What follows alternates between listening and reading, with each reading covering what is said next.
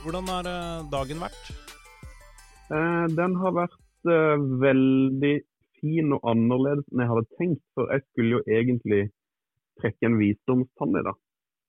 Så det var egentlig en sånn der dag jeg hadde gått og grua meg til ganske lenge. Men så fikk jeg syke barn i går, som gjorde at jeg måtte avlyse et intervju og flytte det til i dag. Og da måtte jeg flytte tannlegetimen til mandag. Så istedenfor at det ble en sånn grusom dag, så har jeg sittet og snakka med Gøran Sørloth i dag og lagd heiafotball. Så det ble en, en nydelig dag. Og så må jeg heller vente med å trekke den tanna til mandag, da, dessverre. Har du noen gang hatt et uh, wow-øyeblikk på et uh, museum? det er et meget godt spørsmål. Ja, det tror jeg nok jeg har hatt. Jeg var, i, jeg var jo i London i, for noen måneder siden bare, og da var vi på, på flere sånne disse voldsomt bra store museene i England. Det heter Natural, Natural History Museum, et British Museum.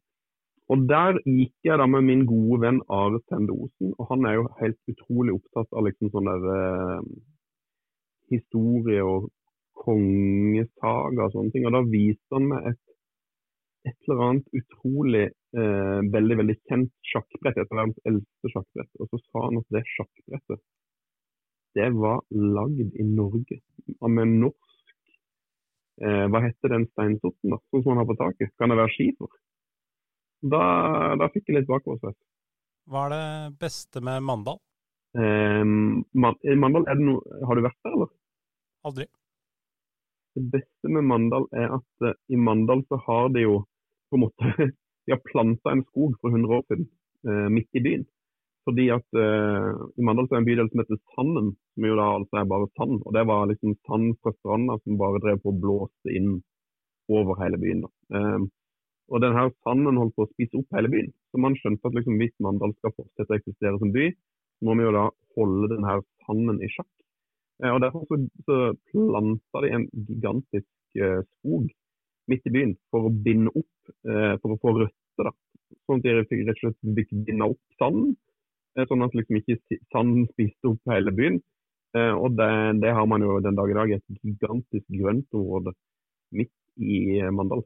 Hvor det er da liksom masse små rådyr og et fantastisk eh, turområde hvor man kan jogge og gå og bade og grille på sommeren. og ja, Det, det er bare helt rått. Eh, og som jeg på en måte ikke skjønte når jeg var liten, hvor fantastisk flott det var. For var, det var jo bare noe man tok helt for gitt.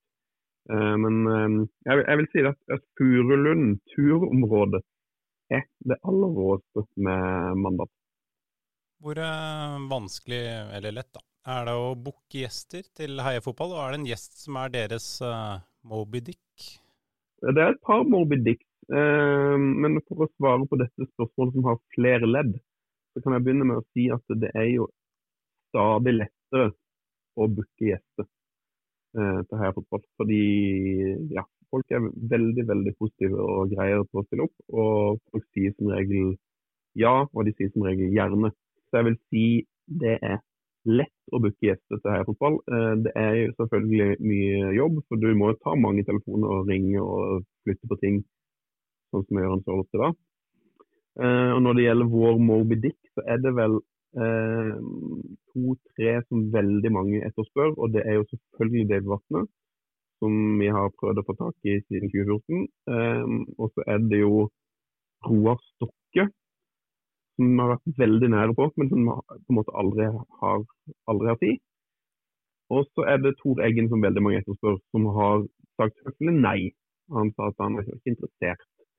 Um, så jeg vil vel kanskje si at Roar Stokke han er nok vår Moby Dick. Han har vi jakta på lenge. Det vil, liksom aldri, det vil, aldri, bli. Jeg er ganske dårlig til uh, å snekre og alt mulig handy ting. Er du en handy person? Absolutt ikke. Absolutt, absolutt ikke. Veldig, veldig dårlig. Uh, så der har jeg mye å gå på. Jeg blir sur av hele jeg, blir snu, jeg blir sur av sånn oppussing og alt sånt, så bare det å skru opp en lampe kan være en sånn der helt uh, tappende oppgave. Hva tror du du hadde jobba med hvis du ikke hadde jobba med radio eller TV? Hmm. Jeg har jobba med mye rart opp igjennom, da. det, jeg tror det forandrer seg litt opp gjennom livet. på en måte. Sånn når du er liten, så har du lyst til å bli brannmann, og så hadde jeg jo på en måte lyst til å bli regissør når jeg var kanskje sånn 18. Når jeg begynte å søke, begynte å søke på skole, så har jeg liksom jobb med film. Og så har jeg jobba mye sånn i bar og i restaurant og sånn, så jeg tror kanskje at eh, hvis jeg skulle hvis jeg faktisk skulle endre på en måte helt uh, retning, så tror jeg kanskje at jeg hadde kunnet tenkt meg å jobbe med mat på et eller annet vis kanskje starte en, starte en restaurant eller liksom Begynte å jobbe på sånn der eh, Lagd med noen slags eh, resort, noe høyfjellshotell med noe restaurantdrift og noe hytteutleie og noe sånt. Eh, men da, men da, er det viktig at man må da være på, på eiersida eller på hovmestersida, sånn at ikke du får sånn utrolig ugunstig arbeidstid. For det er litt drømmejobb å være kokk, men det virker jo utrolig slitsomt at du må da altså jobbe hver eneste kveld. For det er jo, restaurantene er jo fulle eh, når alle egentlig ønsker å ha fri, dessverre. Så det, en, det måtte blitt restaurantør. Hvilken uh, heia fotballspalte er den som har funka dårligst? ja, det vet du nesten bedre enn meg, men det må da være mange. Ja, der tror jeg jeg må svare Jeg husker nesten ikke hva den het. Jeg tror jeg hadde en som het noe sånn Ødøy, hvor vi spurte folk om Eh, hva slags, hvis de var på en øde hvilken bok, hvilken musikkfilm ville de tatt med seg der? Og den, nei, den, hadde vi liksom ikke noe særlig troa på i utgangspunktet. Eh, så det var på en måte nesten litt sånn Den var doomed from the get-go. Så den, Den husker jeg iallfall som ikke spesielt bra. Hvordan syns du spalten 'Lese opp et navn sendt fra min iPhone' funka? Den likte jeg veldig godt. Den fra min iPhone, ja. ja det var, det, det syns jeg var en vinnerspalt. Men jeg hadde glemt den, da.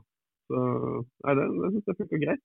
Det er litt der her fotball skal være. da. Vi har mange sånne ting, ting vi må gjennom. Ting på, ting på poster som, og catchphrases og greier som må sies. Av og til så trenger jeg å se på TV-programmer hvor jeg ikke må bruke så mye hjernekapasitet. Type Funkifam ja. eller bloggerne. Hva er din uh, ditt favorittprogram i den kategorien? Vi ser på noe Jeg er veldig glad i Arkitektens hjem på NRK. Og så driver vi på å se på noe med, med min samboer som heter Svenske husdrømmer, eller noe sånt. Som er sinnssykt uh, koselig å se på. Sånn oppussingsprogram som jeg tror det ligger ute kanskje ti, ti sesonger med. da. Med en uh, helt rå svensk arkitekt som heter Gjert og så har han et sånt kanskje litt sånn nederlandsk navn. Men det er, som du skjønner, jeg, altså jeg husker jo ikke så veldig mye av hva som er det, men det er bare utrolig behagelig å, å se på noen fine svenske hus. Um, så er det jo veldig glad i, uh, i krigerne, og så Hodet i klemme. Der har du sett tre bra reality. Uh, kan jeg stille det ett spørsmål til slutt? Ja. Hvor mange spørsmål tror du at du har sendt inn til her på post? Og vet du hva det første spørsmålet jeg kan finne ut at du har sendt inn var? Det husker jeg ikke. Jeg begynte å høre på dere rundt episode tre. Jeg veit ikke hvor mange. Det er kjempemange. Det er, jeg sender jo bare inn spørsmål ja, til episoder jeg hører òg. Så det er jo Jeg har jo hørt alle jeg har sendt inn til. Ja, ikke sant. Ja, for det, jeg begynte å kikke det, i hvert fall sånn, hvor du er nevnt på Twitter. Jeg regner med det der du har sendt inn de fleste. Så det er en veldig sånn, lang rekke med, eh, med tweets. Men jeg så det første spørsmålet du hadde sendt inn som jeg kunne finne, da, det var i 2016, tror jeg. Og da hadde du sendt inn spørsmål til Lars Iversen. Og da var spørsmålet er det mange som tror du heter Lars Iversen. Jeg syns det var et veldig koselig spørsmål. Denne meningsutvekslingen ble produsert av Mottaket Media, et lite podkaststudio i hjertet av Lillestrøm. Sjekk mottaket.studio på verdensveven, eller søk oss opp på Alta Vista.